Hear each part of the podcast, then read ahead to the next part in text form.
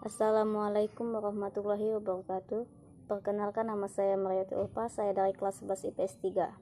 Sumpah Pemuda merupakan hasil dari Kongres Pemuda kedua yang dilakukan oleh kumpulan pemuda di Indonesia pada tahun 1928. Diketahui, pada tahun 1920, banyak perkumpulan pemuda atau organisasi pemuda di setiap daerah di Indonesia. Melansir buku Makna Sumpah Pemuda pada tahun 2012, Organisasi pemuda tersebut bertujuan ingin memerdekakan Indonesia dari penjajah. Kemudian, para pemuda tersebut mulai mendiskusikan penggabungan organisasi di setiap daerah. Salah satu tokoh yang berperan penting dalam penggabungan ini ialah Muhammad Yamin.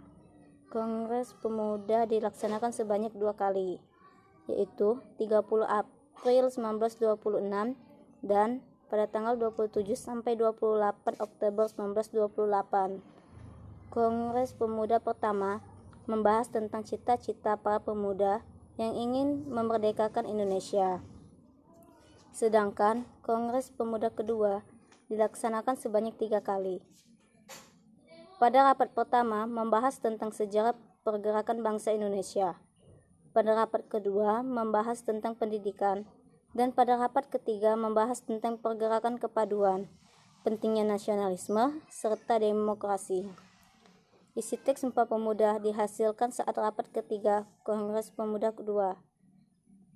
Teks ini ditulis oleh Muhammad Yamin. Mungkin itu saja yang dapat saya sampaikan. Wassalamualaikum warahmatullahi wabarakatuh.